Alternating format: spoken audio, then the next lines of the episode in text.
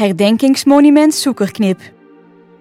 In de avond van 13 februari 1943 stijgt er vanaf het vliegveld in Yorkshire een bommenwerper op, om zich enige tijd later bij 242 andere bommenwerpers te voegen, op weg naar Keulen, het doelwit van die nacht. Het vliegtuig wordt gevlogen door een ervaren bemanning. Ze hebben een speciale opdracht en die luidt: Nadat alle bommenwerpers hun dodelijke lading hebben afgeworpen, vliegen jullie nog een extra ronde over het brandende Keulen om luchtfoto's te maken van de aangerichte schade. Vanwege deze missie is de crew één van de laatste die aan de terugtocht begint. Tussen Aken en Geilekirchen wordt het vliegtuig het doelwit van de Duitse nachtjager. Zwaar gehavend na deze confrontatie worden ze vervolgens ook nog eens beschoten door luchtafweergeschut, dat opgesteld is in de buurt van Venbaan. Een ontploffing en brand zijn het gevolg. Boordwerktuigkundige Ernest Jackson wordt door de explosie tegen de grond geslagen en raakt bewusteloos. Enkele seconden later komt hij bij en ziet dat gezagvoerder Fletcher en Marconis Miller allebei dood in hun stoel hangen. Ook de beide boordschutters, de sergeanten Bansfield en Howe, zijn al gedood. Jackson gaat naar het ontsnappingsluik, waar bommenwerper luitenant Pierre al door verdwenen is. Sergeant Kay zit klaar op de rand van het luik, maar durft niet te springen. Hij komt om als het vliegtuig neerstort. Pierre en Jackson landen vlak bij elkaar in een weiland in de buurt van Put. Jackson, wiens parachute zich pas enkele seconden voor de landing opent, breekt zijn enkel.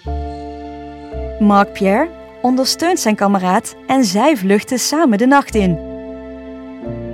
In een holle weg lopen ze een jong koppel tegen het lijf. Het meisje, Henny Berkers, helpt de soldaten aan een veilig onderkomen in een ongebruikte schuur. Henny brengt Pierre in contact met het verzet. Hij wordt naar Borgharen gebracht, van waaruit een roeibootje hem over de Maas overzet naar Smeermaas.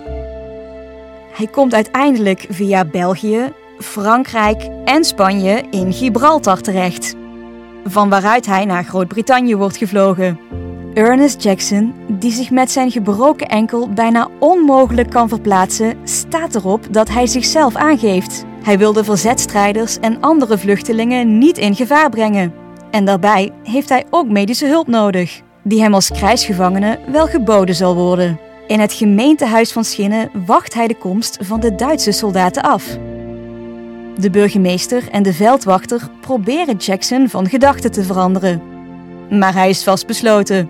De sergeant wordt door de Duitsers naar het ziekenhuis van Maastricht gebracht. Als hij voldoende is hersteld, verblijft hij een tijd in de gevangenis van Amsterdam. Van daaruit wordt hij getransporteerd naar het beruchte kamp Stalag 8, waar hij aan het werk moet in de mijnbouw.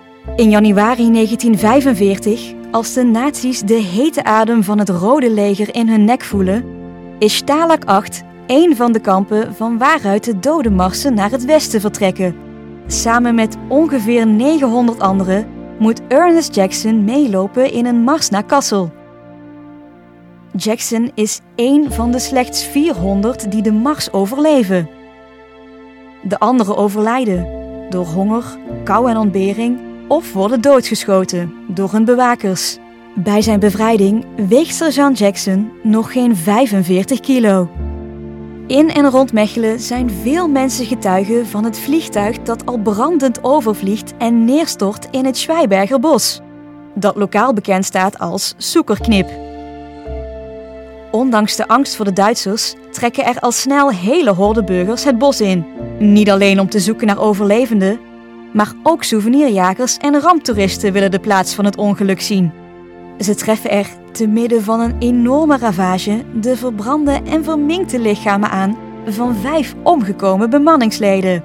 Niet lang na de crash verrijst er op de afgelegen plek een klein gedenkteken. Van twee berkentakken wordt een kruis gemaakt, waarop een bordje hangt met de tekst: Hulde aan hen die niet meer terugkeerden. Het kruisje wordt omringd door stukken aluminium afkomstig van het vliegtuig. Na de oorlog is het professorische kruis vervangen door een wit houten exemplaar met een Christusbeeld. Het bordje en de vliegtuigonderdelen bleven behouden. De vijf omgekomen militairen zijn begraven op het Jonkerbos War Cemetery in Nijmegen.